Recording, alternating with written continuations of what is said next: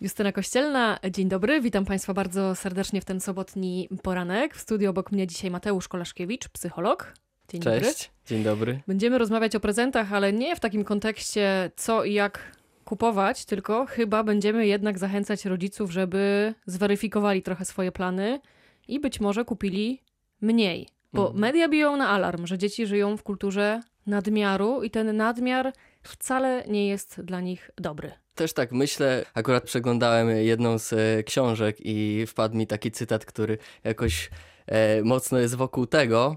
E, wokół, bo niedokładnie, ale tak mi się skojarzyło. Zresztą myślę, że a propos prezentów, to też mógłby być taki prezent od rodzica dla rodzica. Bo to jest świetna książka, napisał ją Andre, Andre Stern o zabawie. Myślę, że przed samym wybraniem prezentu nawet warto by było sobie Warto to przeczytać, przeczytać. żeby troszkę wejść w tą perspektywę dziecka i zobaczyć tak naprawdę, co dla dziecka jest ważne. A, Tu mamy to, co- zakładkę, dobrze? tak, Otwieramy. Tak. O, urynkowienie dzieciństwa. Przeżywamy eskalację pedagogicznych chęci i urynkowienie dzieciństwa. Resztka wolności polega na naszym prawie, by to zmienić. E, Do posiadania przekonań i życia zgodnie z nimi. Odrzucenie panujących trendów i powrót do zasadniczych wartości zaczyna się od podstawy wobec dziecka. Mniej często oznacza więcej. Mniej ironii, mniej gotowych materiałów edukacyjnych, mniej rzeczy dostosowanych do wieku dziecka oraz wstępnie przygotowywanych, mniej dobrych chęci, więcej autentyczności, więcej wspólnoty, więcej uczuciowości, więcej zaufania. Kto miałby zacząć pielęgnować taką postawę, jeśli nie my? No, Rozumiem, czyli Stern w ogóle zachęca, żeby nie kupować, a jak kupować albo jak prezentować, to raczej wspólnie spędzony czas No niż tak, kolejną zabawkę. to byłoby cudowne, no ale żyjemy jednak w tym społeczeństwie kapitalistycznym, gdzie jest spora presja od rodziców, od sąsiadów, od uczniów, e, od dziadków, od e, przez to też samych dzieci, od samych siebie, żeby jednak kupować. No i ciężko tak sobie zupełnie z tego zrezygnować. Wystarczy sobie zrobić taki eksperyment. Nie wiem, czy Państwo też tak będziecie mieli, ale wyobraźcie sobie, że w tym roku nie kupujecie swojemu dziecku prezentu. No po prostu trwoga, tak? Trwoga, tak. I Szczególnie na jego twarzy 24 y, grudnia, jak pod choinką, jest nic. Mhm. No właśnie, więc może jednak warto coś sprezentować. Faktycznie y, i badania, i obserwacje pokazują, że lepiej sprezentowywać mniej e, i rzadziej. Ważny jest sam moment dawania. No tutaj zaczynają się schody, jak sobie myślimy o Mikołaju, to już jest kwestia do rozwiązania konkretnego rodzica, tak, tak, no bo tak sobie myślę, że z jednej strony to jest y, y, piękna rzecz, taka fantazja o Mikołaju, że jest ktoś tak y, po prostu bezwarunkowo dobry, który zawsze zsyła prezenty, z drugiej strony jest zaraz też e, ta część tej opowieści, że jak będziesz grzeczny. No i tu już właśnie tu już są pierwsze To się robi schodki, mniej tak? przyjemnie. No i druga rzecz, że pozbawiamy też dziecka możliwości e, tego takiego momentu dzielenia się czymś i darowania, bo mi się wydaje, że prezenty to najważniejsze w nich jest właśnie darowanie. To, że możemy pokazać intencje, to, że chcieliśmy dać coś swojego, by zainspirować, a może, żeby zauważyć to, na czym dziecku zależy. Żeby dostrzec coś w dziecku. Więc no mi się wydaje, że to jest najważniejszy moment. No i dajemy już ten prezent, tak? y, Może trochę mniej, może trochę rzadziej. Czy to jest koniec? Mi się wydaje, że to jest dopiero początek, bo prezent jest zaproszeniem do relacji. Teraz, jeśli my po prostu sprezentujemy coś, co jest y, ostatnio w modzie i jest naprawdę fajne i drogie i ciekawe i zostawimy z tym dziecko, Na no przykład to tablet. na przykład tablet, no po prostu z tabletem można mnóstwo rzeczy zrobić, ale można tablet się też bardzo szybko znudzić. Kiedy się bardzo szybko znudzi? Jak zostawimy e, dziecko same sobie z tabletem. Więc tablet może być zaproszeniem do relacji. To jest taki już mój idealny model, że kiedy wręczamy coś dziecku, to od razu mówimy, że to chodź, e, za chwilę sobie wypakujemy, zobaczymy. Wiem, że jest taka gra, może zainstalujmy wspólnie. Tak, podaj, podarujmy dziecku ten czas wspólny. To jest najważniejsze. Są też takie osoby zajmujące się wychowaniem dziecka, które uważają, że w ogóle radykalnie e, po prostu dawajmy dziecku wspólny czas pod pretekstem koncertu wspólnego, pod pretekstem Wyjścia pójścia do sali zabaw, na, na basen i tak dalej, ale może po prostu wyjście do parku, tak? I może się okazać, że wcale e, dziecko nie zareaguje taką trwogą. Bo na tym właśnie dziecku najbardziej zależy, na Ciekawe, czasie kto się odważy na taki prezent. Wyjście wspólne do parku. No, no, Brzmi ciekawie, no i za 0 złotych. no właśnie. Ciekawe, jeśli ktoś się e, na to zdecyduje, to Prosimy o zapraszamy kontakt, tak jest. tak, kontakt do radia.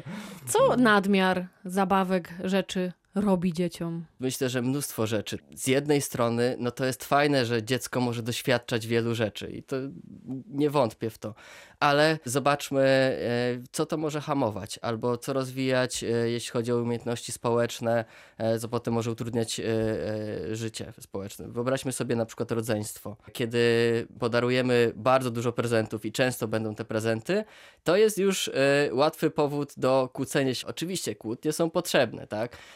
Po to, żeby umieć rozwiązywać konflikty. Wydaje mi się, że jednak są inne sytuacje, kiedy można rozwiązywać konflikty w sposób twórczy. Niekoniecznie kłócąc się o zabawki. Niekoniecznie kłócąc się o zabawki. Zabawki e, nastawiają też na taką postawę dziecko, że jeśli znudzi mi się jedna, to i tak będzie następna. Jeśli będzie, e, jeśli zepsuje się jedna, to będzie kolejna i tak dalej.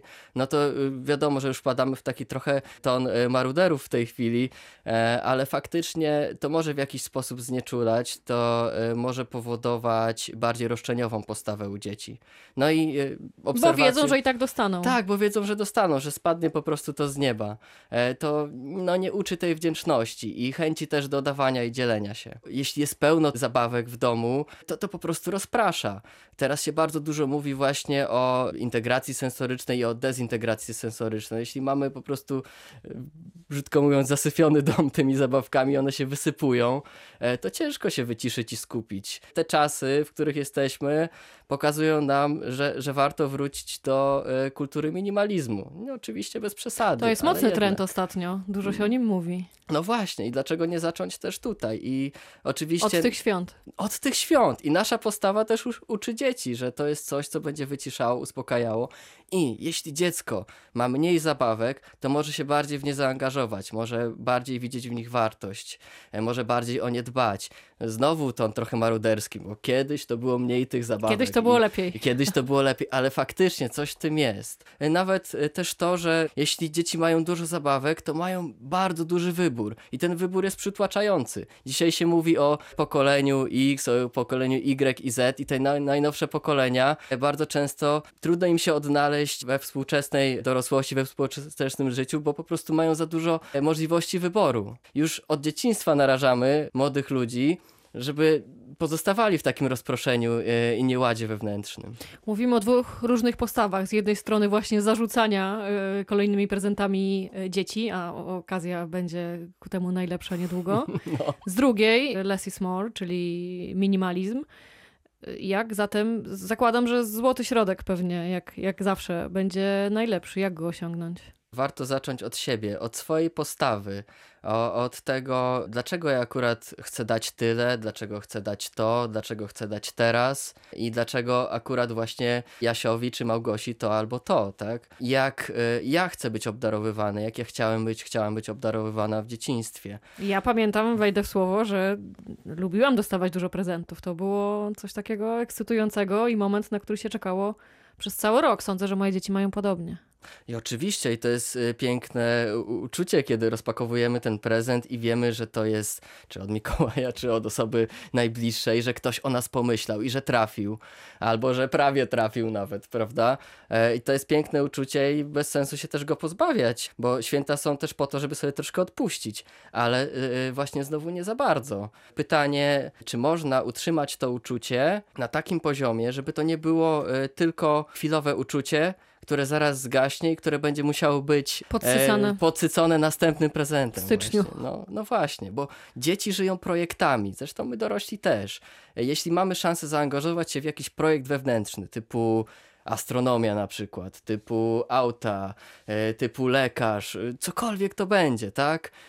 Pozwólmy wysycić się do końca temu projektowi poprzez y, na przykład zabawkę, która właśnie w ten projekt trafia, a niekoniecznie zasypywać się chwilowym doznaniem, no bo takie chwilowe doznania, oczywiście mogę zabrzmieć tutaj strasząco, y, nie chcę, ale chwilowe doznania mi się kojarzą też z, takim, z taką tendencją uzależnieniową, że uzależniamy swoją emocjonalność od czegoś zewnętrznego i bardzo szybkiego. No nie o to chodzi, nie tego chyba chcemy uczyć dzieci. A co takie obdarowywanie szalone mówi o nas, rodzicach, bo coś pewnie mówi. No właśnie. Tutaj może trochę y, pokrytykujemy. Siebie też zresztą. Spuszczę głowę, bo też mam takie tendencje. Myślę, tak zgaduję, y, że czasem po prostu to wynika troszkę z poczucia winy rodzica, że może jest tego czasu za mało, że może jest tego zaangażowania za mało i że to będzie jakiś taki szybki sposób, e, żeby to nadrobić. I to może wcale nie jest złe, jeśli nie występuje za często. Jeśli to się staje czymś stałym, stałym elementem relacji z dzieckiem, no to to już jest jakaś relacja zastępcza. Mi się przypomina jeszcze przykład kolegi, który pracował w e, domu dziecka przez dłuższy czas. On tam z nastolatkami pracował, ale on mówił, że po prostu e, strasznie go raziło w oczy, jak bardzo e, dzieci, które wiadomo, że potrzebują e, jak najwięcej, ale bardzo były tak bezrefleksyjnie obdarowywane, czy przez rodziców biologicznych, czy przez jakieś fundacje, sponsorów i tak dalej. I to były czasem bardzo drogie prezenty, ich było mnóstwo. No i, i, i potem na przykład taki chłopiec przychodził do niego i mówił: Wujku, słuchaj, tutaj sprzedam ci MP3 za 10 zł, jak chcesz, tak? Im bardziej chodziło właśnie o ten wspólny czas i o relacje relacje. Mnie samą zabawki fascynują. Jak no widzę właśnie. jakąś fajną zabawkę, no to mam ochotę też się nią pobawić z dziećmi. No i ląduję w koszyku a później na starcie zabawek w dziecięcym pokoju. W sumie, jeśli masz po prostu ochotę się pobawić z dzieckiem, to chyba jest to dobry znak, tak? Że to jest to właśnie Jestem to zaproszenie. Rozgrzeszona. Tak, to jest to zaproszenie do relacji i to jest naturalne też, że my jako dorośli mamy też sobie te dziecięce uczucia, że też chcemy być obdarowani, że też chcielibyśmy mieć taką zabawkę w dzieciństwie na przykład, albo że nas ciekawi, że chcemy wypróbować. No i fajnie, jeśli jesteśmy w stanie też tym zarazić dziecko, no to chyba super. Złotej recepty na pewno nie ma, ale jakie zabawki Twoim zdaniem powinny lądować pod choinką? Trochę już powiedzieliśmy o tym, żeby to było zaproszenie do wspólnej zabawy, ale mhm. materialne? Co byś sprezentował? No, no widzisz, to jest też y, trochę tak jak Arno Stern pisał, mniej y, gotowych rad, mniej gotowych materiałów i ja jestem też faktycznie z tego nurtu. Nie czuję się jakoś super kompetentny w tym, żeby polecać konkretną zabawkę. To naprawdę zależy od darującego i od tego, który dostanie tą zabawkę, tak? Ważne jest, żeby to dopasować i właśnie na tej zasadzie, jeśli ja chcę się czymś podzielić, jakimś kawałkiem siebie, to jest super. E, bo to może zainspirować dziecko. No i jeśli ja będę w stanie coś wydobyć, co jest e, fajnego dla tego dziecka, istotnego w tym dziecku, może, e, może w jakiś sposób nawiązać do talentu, do zainteresowania i tak dalej.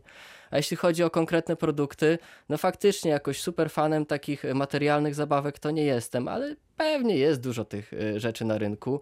No ja jestem bardziej właśnie za tym, żeby tworzyć sytuacje darowania, dostawania, może też darowania wspólnego. Może dziecko też chce coś, nie wiem, narysować mi, no to też super. No i y, tych sytuacji potem. Więc może y, ja na przykład jak y, daję prezenty, to bardzo lubię zostawiać chociaż jakieś bileciki, na których jest napisane dlaczego, dlaczego akurat to, jaka jest intencja i tak dalej. No można to też wypowiedzieć, można to narysować. To jest wtedy tak naprawdę taki prezent w pełni według mnie.